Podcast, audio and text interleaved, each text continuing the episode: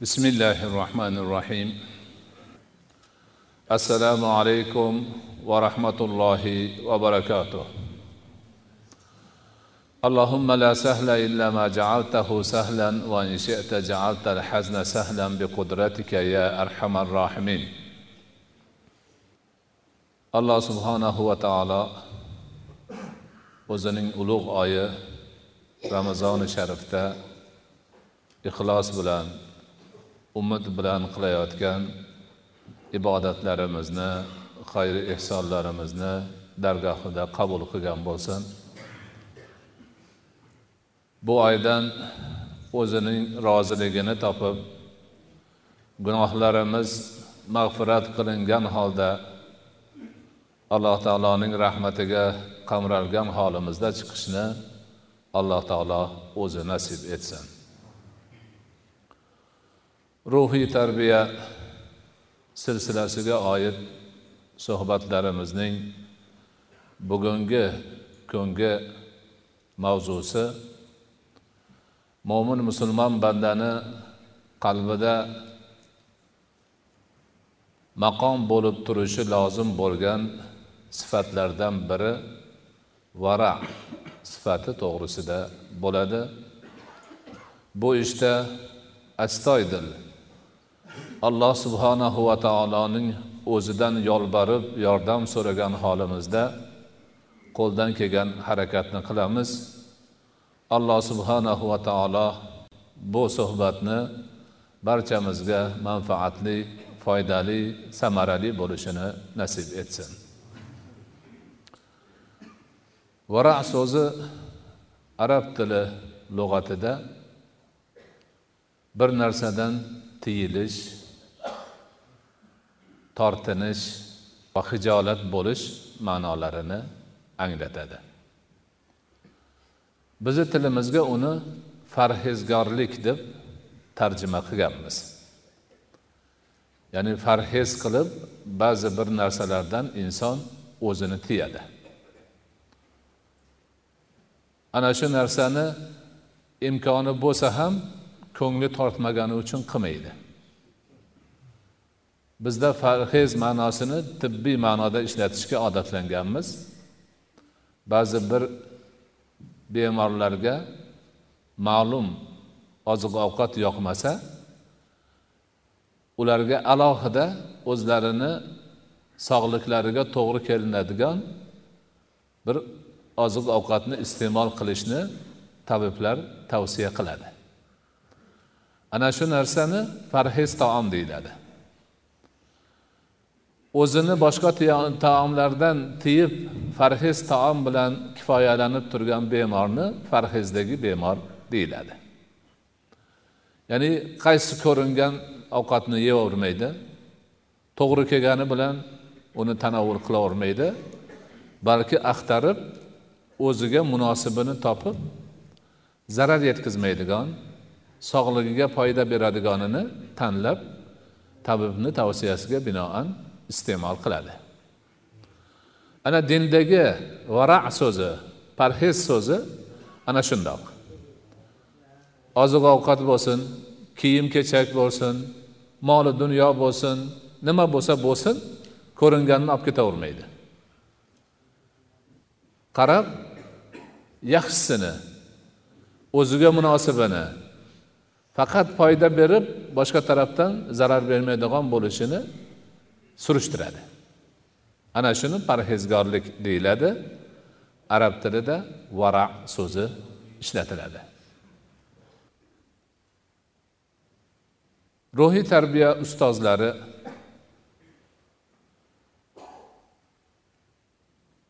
olimlarimiz mashoyihlarimiz vara farhezgorlikni ilmiy tahlilini qilib ta'rifini ham aytishgan. Shu ta'riflardan birida aytiladiki vara parhezgorlik shubhali narsadan o'zingni tiyib uni tark qilishing uyat bo'ladigan narsani butunlay manfiy qilishing va o'zing uchun eng ishonchlisini izlashda nafsingni mashaqqatga solishing. Demak bir shubhali narsa turibdi. U ho oziq ovqat bo'lsin. Ho kiyim kechak bo'lsin. Ho moli dunyo bo'lsin nima bo'lsa bo'lsin shubha bor. Shubhali. Yuz foiz halol emas. Demak uni tark qilasan. Uyat bo'ladigan ayb bo'ladigan bo'lsa shu ishlarni ichida olsang odamlar uyat qiladi ayb qiladi. Uni umuman yo'qotasan. Ana endi o'zingga munosibi eng ishonchlisini izlab o'zingni o'zing qiynaysan biroz.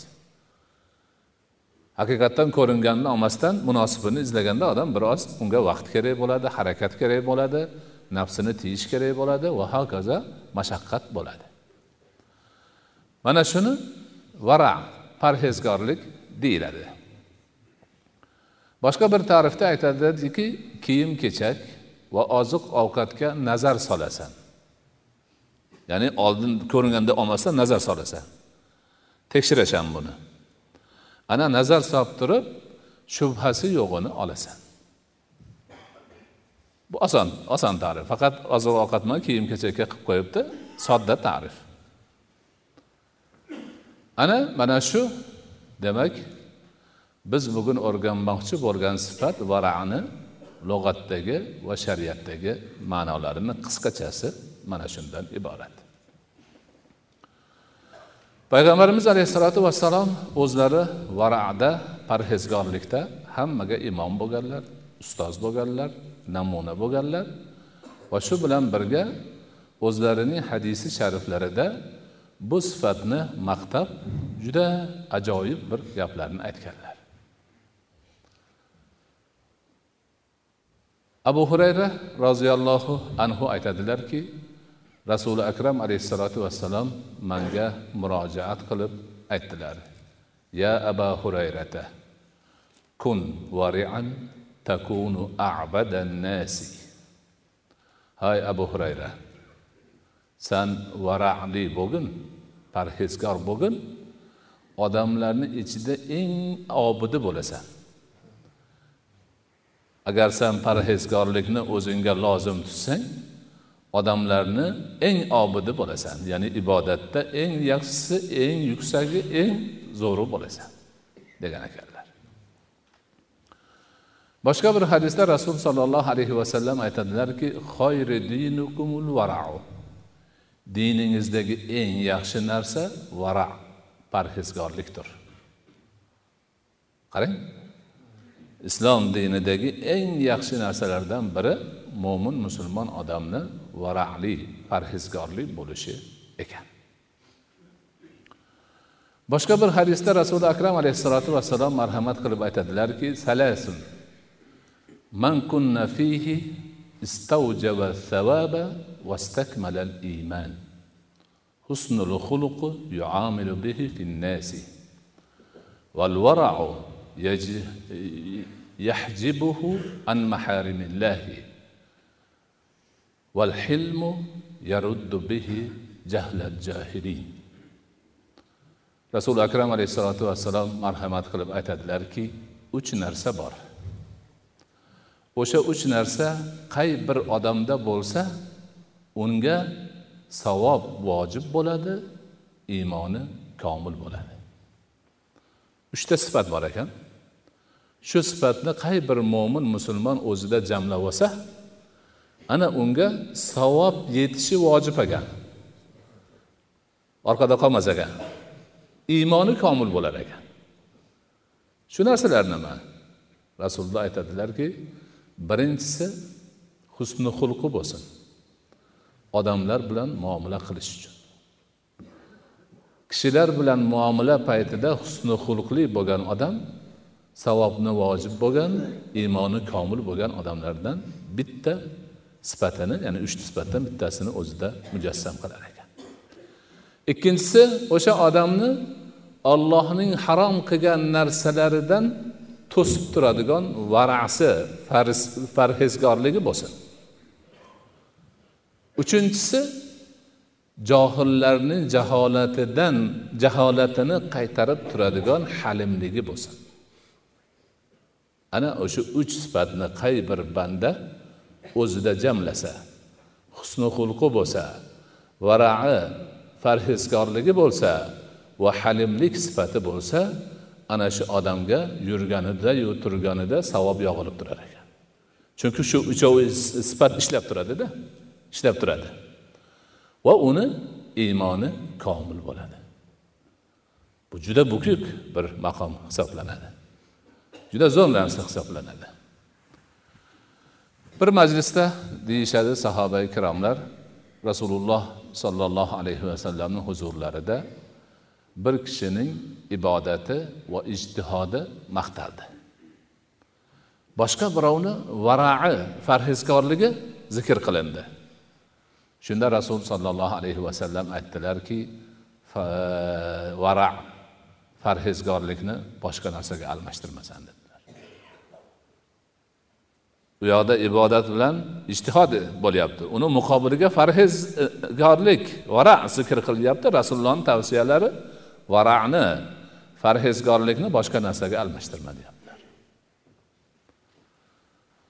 Anas ibn molik roziyallohu anhu rivoyat qilib aytadilar yo'lda rasuli akram alayhissalotu vassalom bilan ketayotgan edik.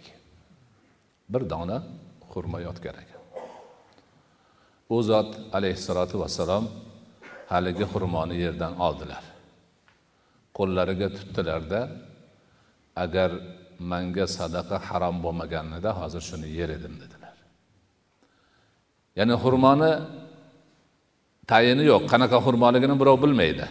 Lekin rasululloh vara qilyapti parhezkorlik qilyaptiki mabodo zakotga berilgan xurmo bo'lsayu shundan tushib qolgan bo'lsa man yeb qo'ysam manga to'g'ri kelmaydi. Chunki rasuli akram alayhissalotu vassalomga zakotga ruxsat yo'q. U zotga va u zotning ahli baytlariga zakot olish mumkin emas. Keyingi hadisda mana shuni ham ko'ramiz. Parhezgorlikni oliy yuqori nuqtasi aytiladiki ahaza al hasan ibn aliyin tamratan min tamri sadaqati liyaj'alahu fi fihi فقال رسول صلى الله عليه وسلم له كخ كخ أما تعرف أن الصدقة لا تحل لنا demak imomi hasan go'dak bola bobosi bilan birga rasuli akram alayhissalotu vassalom bilan shu qo'yinlarda o'tirib qo'liga cho'zib zakotga kelgan xurmodan bir dona olibdida og'ziga solmoqchi bo'libdi. Shunda rasululloh qiq ya'ni yaxshi emas halol emas deb turib qo'lidan olib sadaqa bizga halol emasligini bilmasmiding dedilar. Kichkina bolaga aytyaptilar. Ya'ni kichkina bola hali mukallaf bo'lgani yo'q. Shariatni taklifi yo'q unga. Unga gunoh yozilmaydi. Boshqa bo'lmaydi lekin shunga ham rasululloh vara qilib nabiralariga go'dakka sanga xurmoni zakotdan bo'lganligi uchun yeyishing durust emas deyaptilar. Ana allohni hukmi bilan rasuli akram alayhissalotu vassalom u kishini oli baytlari ahli baytlariga qarindosh urug'lariga zakot ruxsat berilmagan. Chunki ularga zakot berilsa hamma o'shalarga olib boraveradi zakotini. Ehtiromlari borda. Shuning uchun u yog'ini to'sib qo'yilgan. Ular olmaydi zakot. Mayli kambag'al bo'lsa bordir boshqa bordir olishmaydi. Chunki boshqalarni yo'lini to'sishmasin. Ana shu ma'noda. Ana bu yerda ham rasuli akram alayhissalotu vassalom varani bir namunasini ko'rsatyaptilar. Bunga o'xshagan hadisi shariflar juda ham ko'p.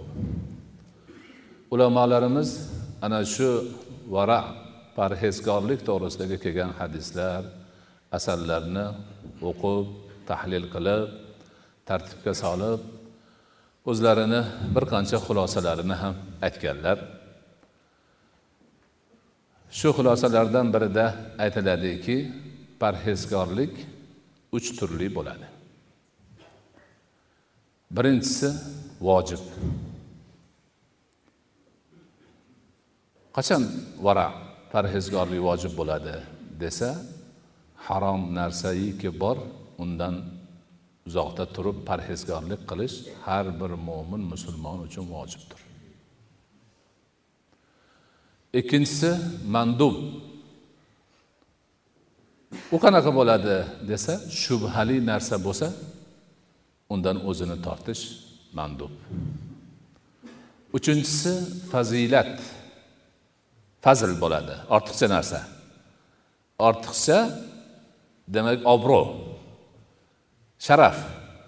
U qanday bo'ladi desa ba'zi bir mustahab ya'ni qilsa bo'laveradigan narsalardan ham o'zini tiyadi. Ana u fazilat varai parhezgorligi bo'ladi. Imom g'azoliy rahmatullohi alayh hujjatil islom o'zlarini kitoblarida varani juda keng sharh qilganlar va uni turlarini u kishi ham o'z ishtihodlari bilan o'z nimalarida bayon qilganlar. Varani birinchi turi deydilar. Imomi g'azaliy adolat sohiblarining varai parhezgorligidir.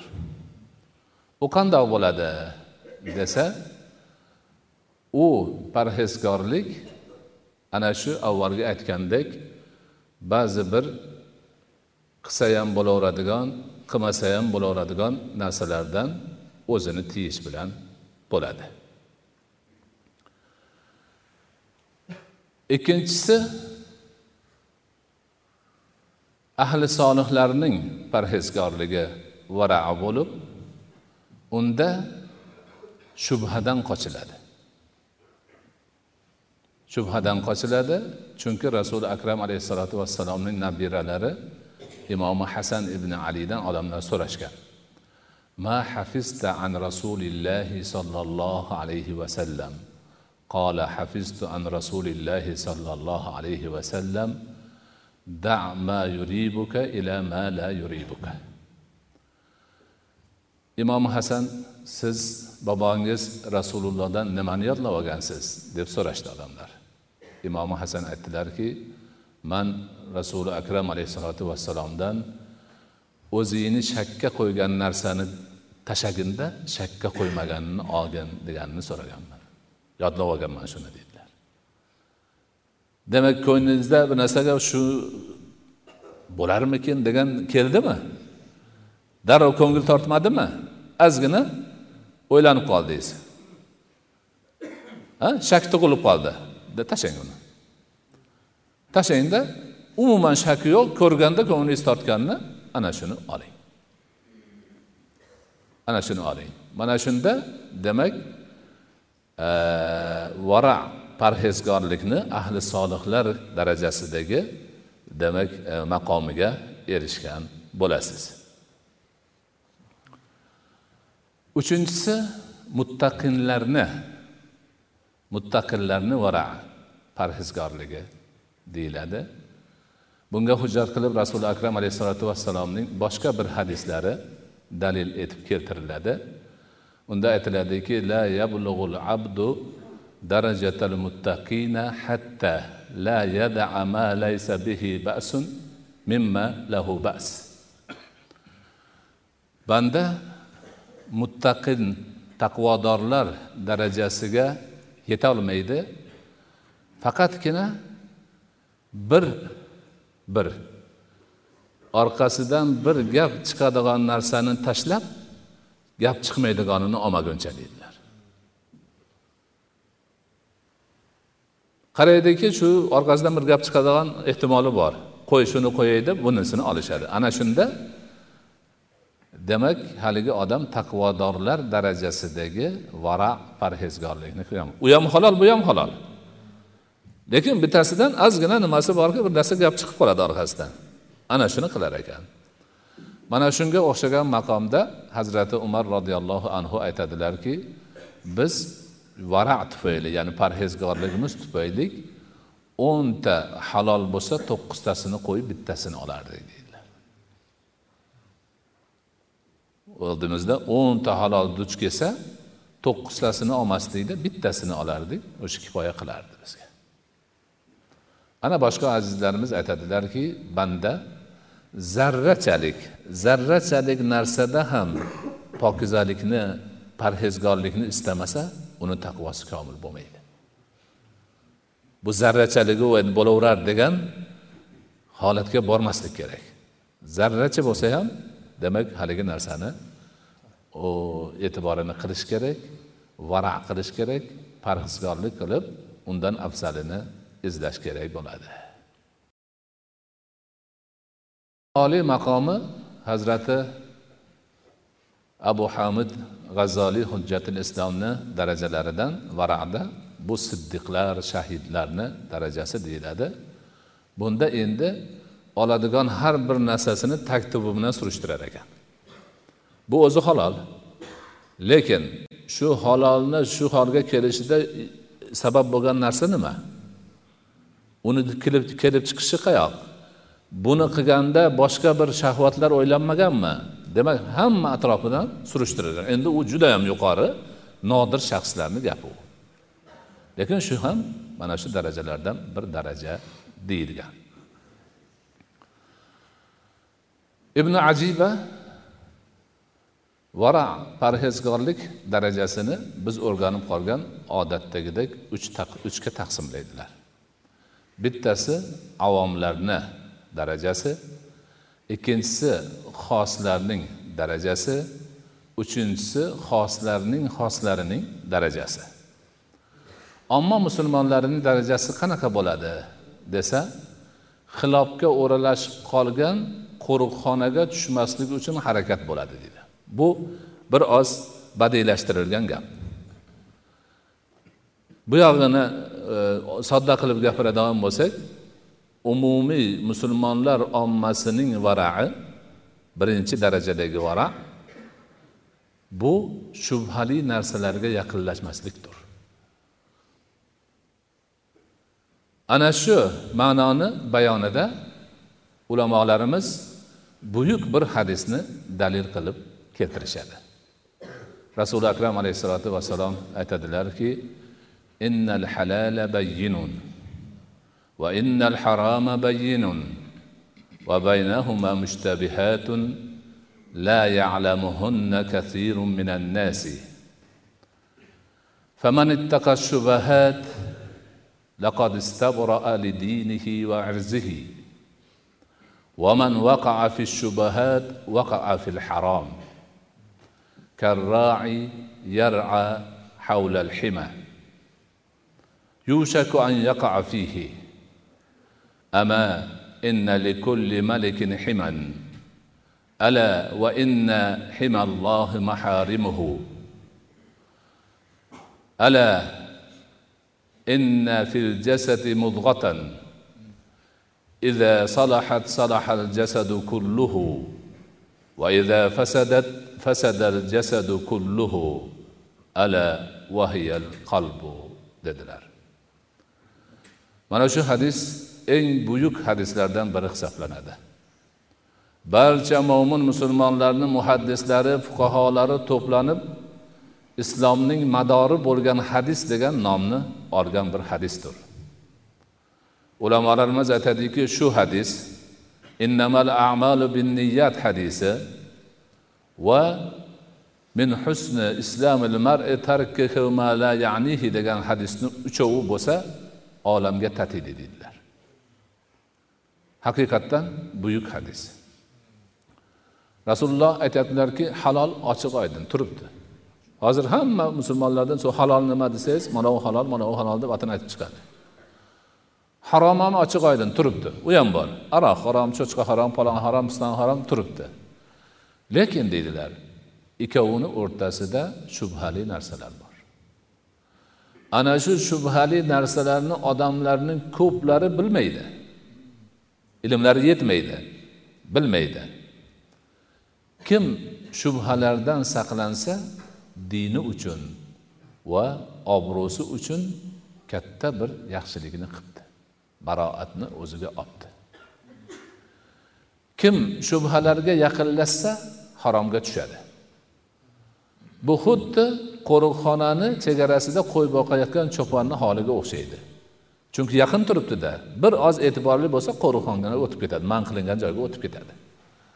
Ana shubhaga yaqinlashish bandaga shunday xatarli narsa. Ogoh bo'linglar bilib qo'yinglar har bir podshoni o'zini qo'riqxonasi bo'ladi chegaralab qo'ygan. Bilib qo'yinglarki ollohning qo'riqxonasi o'zining harom qilgan narsalaridir. Bu yerga kirish kerak emas. Qo'ritib qo'ygan o'zi. Yana bilib qo'yinglarki jasadda bir parcha go'sht bor. Agar o'sha yaxshi bo'lsa tuzuk bo'lsa jasadni kulli hammasi yaxshi bo'ladi tuzuk bo'ladi. U buzuq bo'lsa jasadni hammasi buzuq bo'ladi. Ogoh bo'linglar ana o'sha narsa qalbdir deydilar. Mana mana shu hadisni qo'ldan kelganicha sharh qilamiz. Alloh o'zi yordam bersin. Demak halol ochiq oydin turibdi harom ochiq oydin turibdi. Ikkovini o'rtasida shubhali narsalar bor. Shubha so'zi o'zi arab tilida o'xshash degan ma'noni bildiradi. Shabaha o'xshadi degani. O'sha shubhali narsani bir qarasang halolga o'xshaydi bir qarasang haromga o'xshaydi. Unisimi bunisimi aniq emas. Shuning uchun shubhali narsa deyilgan halol bo'lganda halol deb qo'yilar edi. Harom bo'lganda harom deb qo'yilardi u ham emas bu ham emas o'rtada turibdi. Shuning uchun bu narsa unga ham o'xshaydi bunga ham o'xshaydi. Shar'iy ta'rifda e, ulamolarimiz aytadiki ikki xil dalilga tobe bo'lib hukmi aniq bo'lmay qolgan ikki tarafga tortilgan narsani shubhali narsa deyiladi. Ana o'sha shubhali narsani shubhali narsani. Mo'min musulmonlar nihoyatda ehtiyot bo'lishlari kerak ekan ko'pchilik bilmas ekan buni bilganlardan so'rash kerak ekan. Ho'p ana shubhali bo'lishiga sabab nima desa bir narsa bor. Shuni bitta dalilda halol deyilgan ikkinchisida harom deyilgan. Shariatda shu ikki xil bitta bitta narsani to'g'risida ikki xil gap kelgan. Birida halol deyilyapti ikkinchisida harom deyilyapti. Shu halol degani oldin aytilganmi harom degani oldin aytilganmi uni birov bilmaydi. Demak mana shu narsa shubhali bo'lib qoladi. Yana bir turi bor unda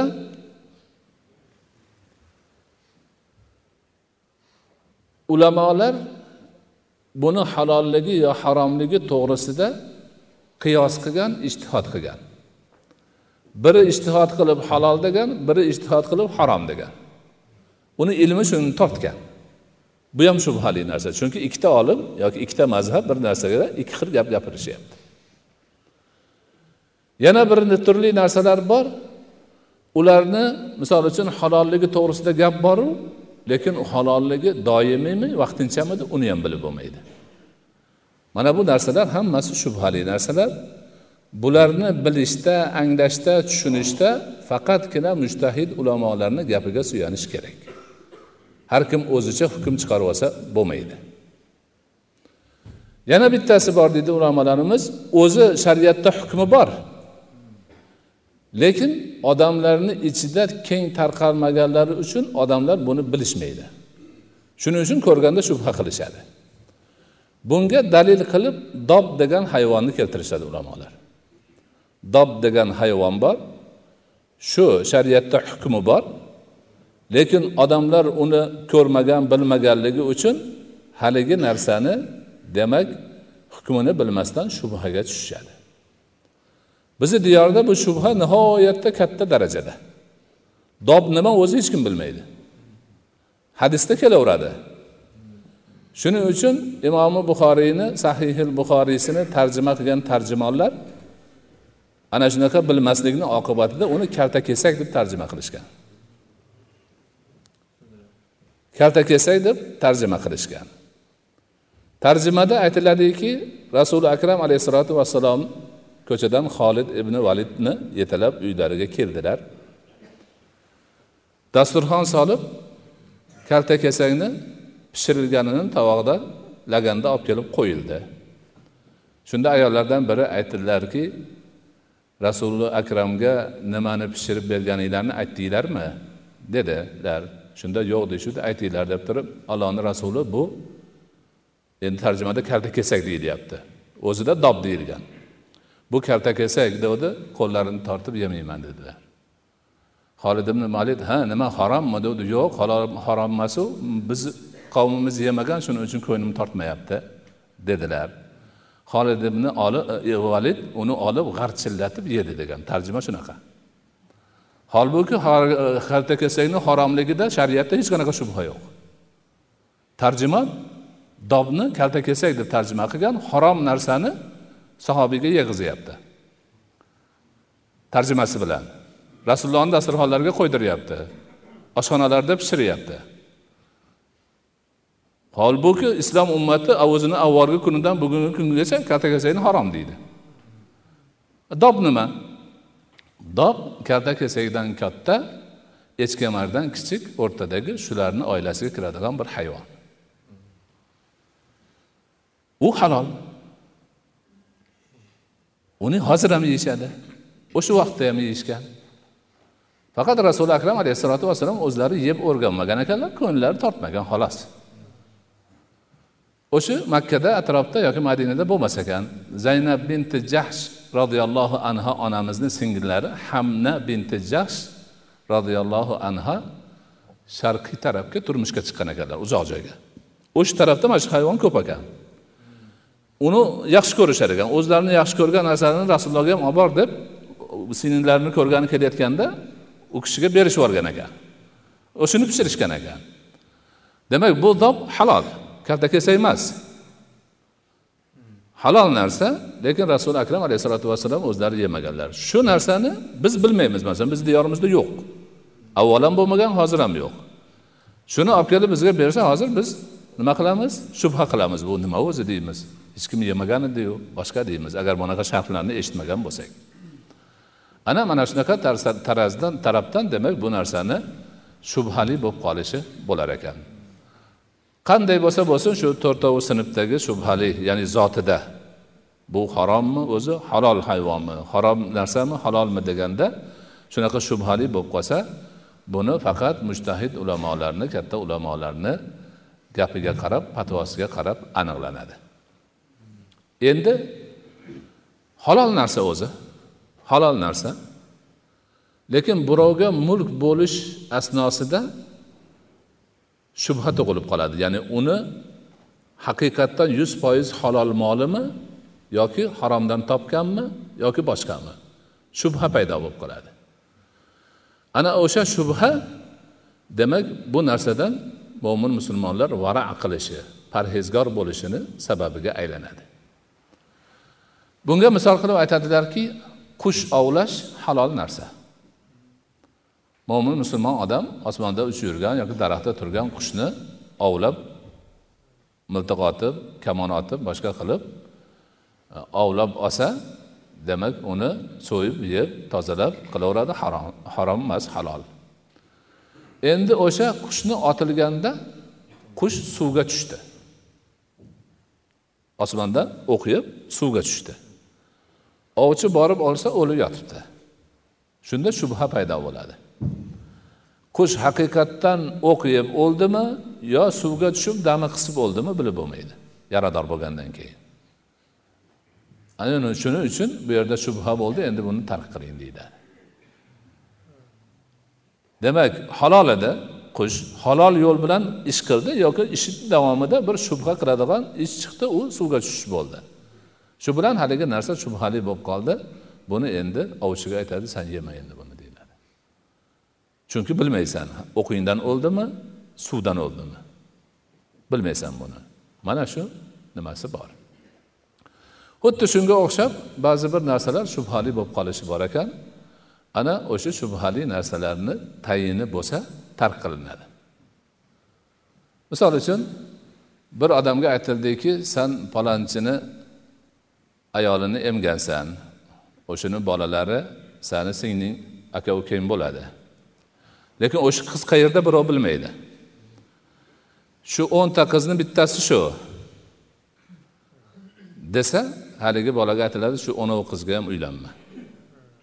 Chunki bittasi o'zingni singling chiqib qolish emlikdosh singling chiqib qolish ehtimoli bor. Shuning uchun ehtiyot bo'l vara qil parhezgorlik qil deyiladi. Ana shunaqa oz halolni ichiga muayyan harom qo'shilib qolsa o'sha muayyan harom haligi oz halolni ham shubhali qilib qo'yadi hammasini. Haligi aytgan qushni olib kelib to'g'ri yo'l bilan ovlagan qushlarni ichiga solib qo'yuvdi keyin bilmay qoldi. Qaysinisi edi haligi shubhali? E, qo'y dedi hammasini endi nima qilaverlaring qo'ylaring buni unisini oldingmi bunisini oldingmi bilmasang qaysi biri to'g'ri bo'lsa degan gapni aytiladi. Endi ba'zi bir vaqtlarda boshqacha holatlar ham bo'ladi. Misol uchun chegaralangan harom ya'ni oz harom narsa ko'p halol narsaga aralashib ketadi. Harom oz narsa lekin ko'p haromni ichiga aralashib ketdi. Nima qilamiz desa bunda endi bunda endi. Halolni hukmi g'olib bo'ladi. Halolni hukmi g'olib bo'ladi. Faqatgina haromni haromligiga hujjat olib kelganda o'shani alohida ajratib olinadi. Hujjati bo'lmasa hammasiga halolni hukmini aytiladi chunki ajratish mumkin emas. Hammasini man qilay desang dunyoni hammasini man qilishga to'g'ri kelib qoladi. Shaharni qishlog'ini yurtni. Shuningdek ko'p haromga ko'p halol aralashib ketsa ham shunaqa. Ajratib bo'lmaydi. Ajratib bo'lmaydida shuning uchun demak bunga ommatan halol hukmini berib turib qaysi narsani haromligi to'g'risida aniq hujjat dalil bo'lsa o'shani chiqariladi. Qolganini ishlatilaveradi. Qoida shu aslida mollar hammasi halol. Musulmonlar oladigan mollar halol. Endi odamlarni o'g'irlik qilib harom yo'llar bilan mol mulk topishi bor narsa bu. Bu g'olib bo'lib ketgan bo'lishi mumkin lekin g'olib bo'lgan bilan birga hujjati dalili bo'lmasa asl ustun chiqadi deydi ulamolar. Ana shu e'tiborni olinadida patvoni shunga qarab beriladi.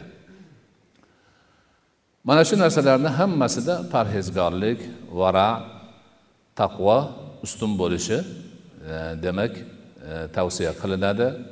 Hammasida mana shu al halolu bayyunun val haromu bayyunun hadisi ish beradi hamma yerda. Bu hadisni buyukligi shunda. Ana endi parhezgorlik qilaman vara qilaman deb haddan oshib ketishga ham ruxsat yo'q. Chegarada turish kerak. Mana shu qoidalarni ishlatish kerak. Imomi haramaynni otalari yusuf al juvayniyga odamlar kelib savol berishibdi. Ba'zi odamlar yangi olingan kiyimni yuvmasdan kiyib bo'lmaydi deyishyapti. Bozordan yangi kiyim olar ekanda. Oldin yuvib turib keyin kiyish kerak ekan. Yuvmay turib kiyib bo'lmasmish. Nimaga deb so'rasalar. Chunki shu kiyimni tayyorlash paytida to'quvchilarni bo'yovchilarni qo'lidan tushib ketgan bo'lishi mumkin najas pazas tekkan bo'lishi mumkin nopokliklar ilashib qolgan bo'lishi mumkin. Shuning uchun bir yuvib yuborsa yaxshi bo'ladi. Shunaqa deyishyapti ular deganda haligi ulug' zotni qattiq achchiqlari chiqqan ekan. Aytgan ekanlarki bular havorijlardir ollohni aytganini qilmasdan boshqa narsalarni fitna qo'ziydigan odamlardir. Bularni gapi shaytonni vasvasasidan boshqa narsa emas. Rasuli akram alayhissalotu vassalomni davrida kiyimlar kelar edi hech kim yuvmas edi. Kofirlarni kiyimini ham olib kiyishar edi yuvmas edi. Bu gap qayerdan chiqdi? Degan ma'noda qattiq norozilik gaplarini aytganlar. Yana ba'zilar aytar ekanki mana shu qishloqda bizni qarindoshlarimiz yashagan ekan. Shuning uchun shu qishloqda man uylanmayman chunki birortasi qarindoshim chiqib qolsa a gunohkor bo'lib qolmay desa bu ham o'sha fitnadan ekan. Bu ham fitnadan ekan. Uni qilmaslik kerak deydi. Va bunga o'xshagan juda ko'p parhezkorlik nomi bilan o'zini ko'rsatish uchun ortiqcha g'uluvga ketish xatoga yo'l qo'yishlarga ulamolarimiz hech qachon ruxsat bermaydilar. Mana shu ko'rinishlar hozir bizda ham bor. Bir odam kelib so'rayapti. Bir emas bir nechta odam so'radi. Qovun tarvuzni so'yishdan oldin yaxshilab ikki uch marta yuvib yubormasa bo'lmas ekan a kim aytdi sizga buni? Unaqa gap yo'q. Yo'q shunaqa emish. U nima ekan o'zi? Desam shu odamlar aytyapti bu qovun tarvuz daladagi narsa it pitlar o'tadi har xil narsalar bo'ladi. Shuning uchun buni albatta uch marta yuvib yuborib turib keyin so'ymasa bo'lmaydi deyishyapti. Bittasi kelib aytadi tuxumni yetti marta qumga ishqab yuvib turib keyin so'ymasa halol bo'lmas ekan deydi. Hech qayerda yo'q gaplar bular. Ana shu demak bu vasvasa noto'g'ri ish bunaqa narsalardan saqlanish kerak. Choy quyayotganda piyolani ham choynakni ham chap qo'lda ushlab bo'lmas ekan. Choy makruh bo'lib qolar ekan. Qanaqa qilib o'ng qo'lda olib choynakni qo'yib turib piyolani ham o'ng qo'lda olib qo'yib turib undan keyin quyib undan keyin uzatmasa makruh bo'lib qolar ekan. Hozir hamma yerda gap shu. Kim aytdi sizlarga so'pilar aytyapti. Qayerdan olishibdi bu gapni? Yo'q u shu ustozlar aytibdi. Bunaqa gap yo'q hech qayerda. Hadisda kelgani ovqatni og'ziga olib borishda o'ng qo'lni ishlatish kerak. Choynakni chap qo'lda ushlab bo'lmaydi piyolani chap qo'lda ushlab bo'lmaydi boshqa narsani chap qo'lda ushlab bo'lmaydi degan gap yo'q. Mana o'zshular o'zlari savodsiz odamlar bechoralar nimadir dinda o'zini ko'rsatishni xohlaydi.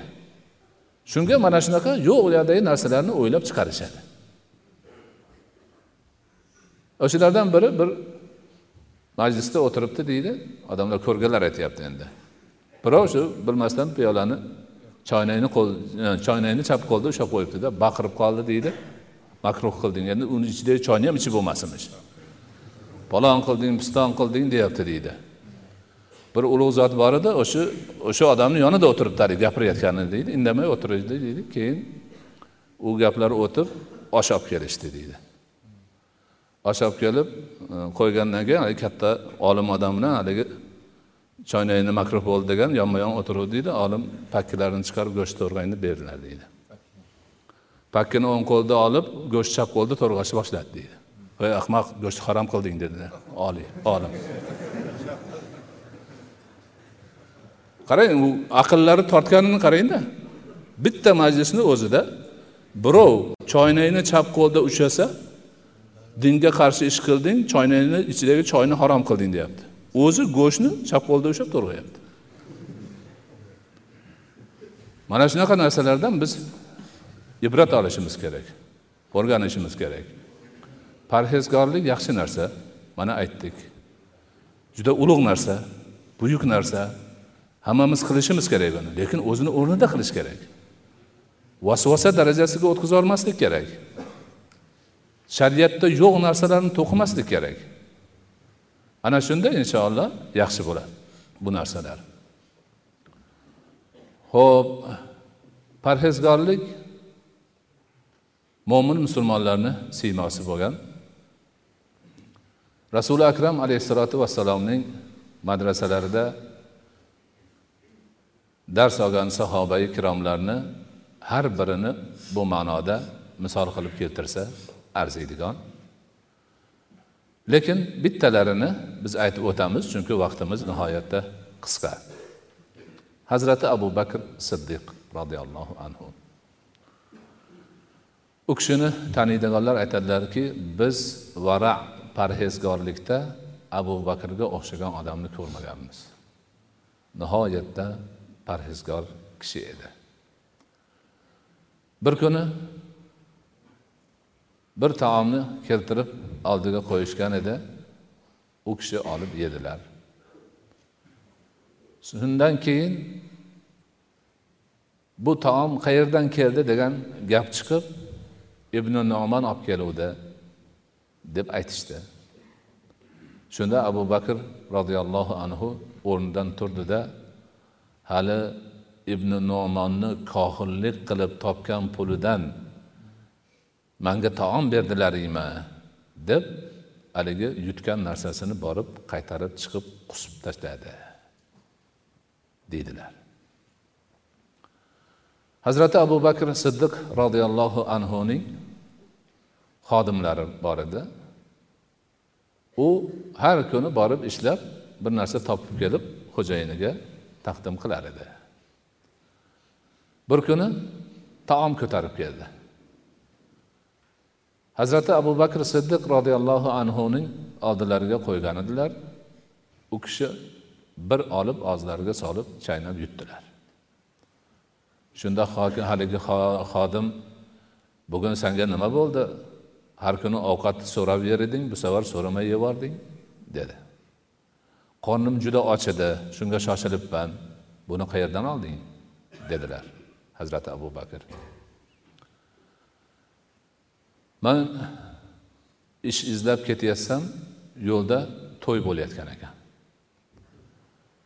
To'y qilayotganlar mani eski tanishlarim ekan. Johiliyat paytida ularni bir bemoriga man johiliyatcha dam solgan edim. Shunda haqqini berishmagan edi. Bugun o'sha to'ydan mana shu narsani haqqingni berishuvdi shuni olib keluvdim dedi. Shunda hazrati abu bakr qattiq tashvishga tushdilar deydi. Manga o'sha harom narsani olib kelibsan yomon bo'libdi bu deb qusishga harakat qilib qoldi. Qaytarib chiqarib yuborishga hech haligi ovqat chiqmaydi deydi. Odam to'planib ketdi keyin ba'zilar aytdi bu suv ichsa chiqadi bu. Keyin katta jomda deydi suv olib keltirib oxirigacha ichdi deydi chiqmayapti deydi. Oxiri chiqdi deydi. Bir luqma narsa ekan chiqdi deydi. Odamlar ko'rib bir luqmaga ham shunaqa qilasanmi? Nima bo'pti endi? Deyishuvdi. Agar shu luqma jonim bilan qo'shilib chiqadigan bo'lsa ham chiqarar edim. Chunki man rasuli akram alayhissalotu vassalomni haromdan o'sgan go'shtga do'zaxni o'ti loyiqdir degan hadislarni eshitganman. Mani go'shtimni mana shu bir luqma o'stirib qo'ymasin deb qo'rqdim deganlar deyiladi. Ana parhezgorlikni eng go'zal namunalaridan biri. Siz bilan biz mo'min musulmonlar ham mana shu dinimizni ta'limotlari asosida parhezgor bo'lib nafaqat haromni o'zidan balki shubhali narsalardan halolligida nuqson bor narsalardan o'zimizni tiyish harakatida bo'lishimiz kerak. Mana shu narsa bizga sharaf bo'ladi xayr bo'ladi baraka bo'ladi. Imomi hasani basriy makkai mukarramaga borib harami sharifga kirib aylanayotsalar hazrati ali ibn abi tolib roziyallohu anhuning avlodlaridan birlari kabai muazzamaga orqalarini berib suyanib turib odamlarga va'z etgan ekanlar. Yaqin borib gaplarga quloq solsa juda sermazmun gaplar. Keyin aytibdilarki hasan basriy aytibdi savolim bor nima savol? Dinni asosi nima? Vara debdi parhezgorlik debdi. Dinni buzuvchi narsa nima? Degan ekan tamagirlik debdi. Haligi ikkita so'z aytgan vara tama degan boshqa gap aytmaganlar. Shunda hasan basri juda ko'p buyuk olim. Haligi zotni gapidan qoyil qolibdi.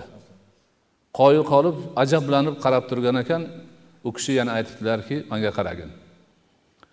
Bir zarra misqolidagi varaq ming misqol namoz bilan ro'zadan ko'ra afzalroqdir debdilar. Mana shu haqiqatlarni biz yaxshi bilishimiz kerak. Qo'limizdan kelganicha. Qo'limizdan kelganicha parhezgor bo'lishga taqvodor bo'lishga halol pok bo'lishga birovni haqqini yemaslikka shubhali narsalarga o'zimizni urmaslikka harakatda bo'lsak inshaalloh bu dunyoyu oxiratni baxtiga saodatiga musharraf bo'lamiz. Alloh subhanahu va taolo barchalarimizni vara parhezkor bandalardan bo'lishimizni nasib etsin.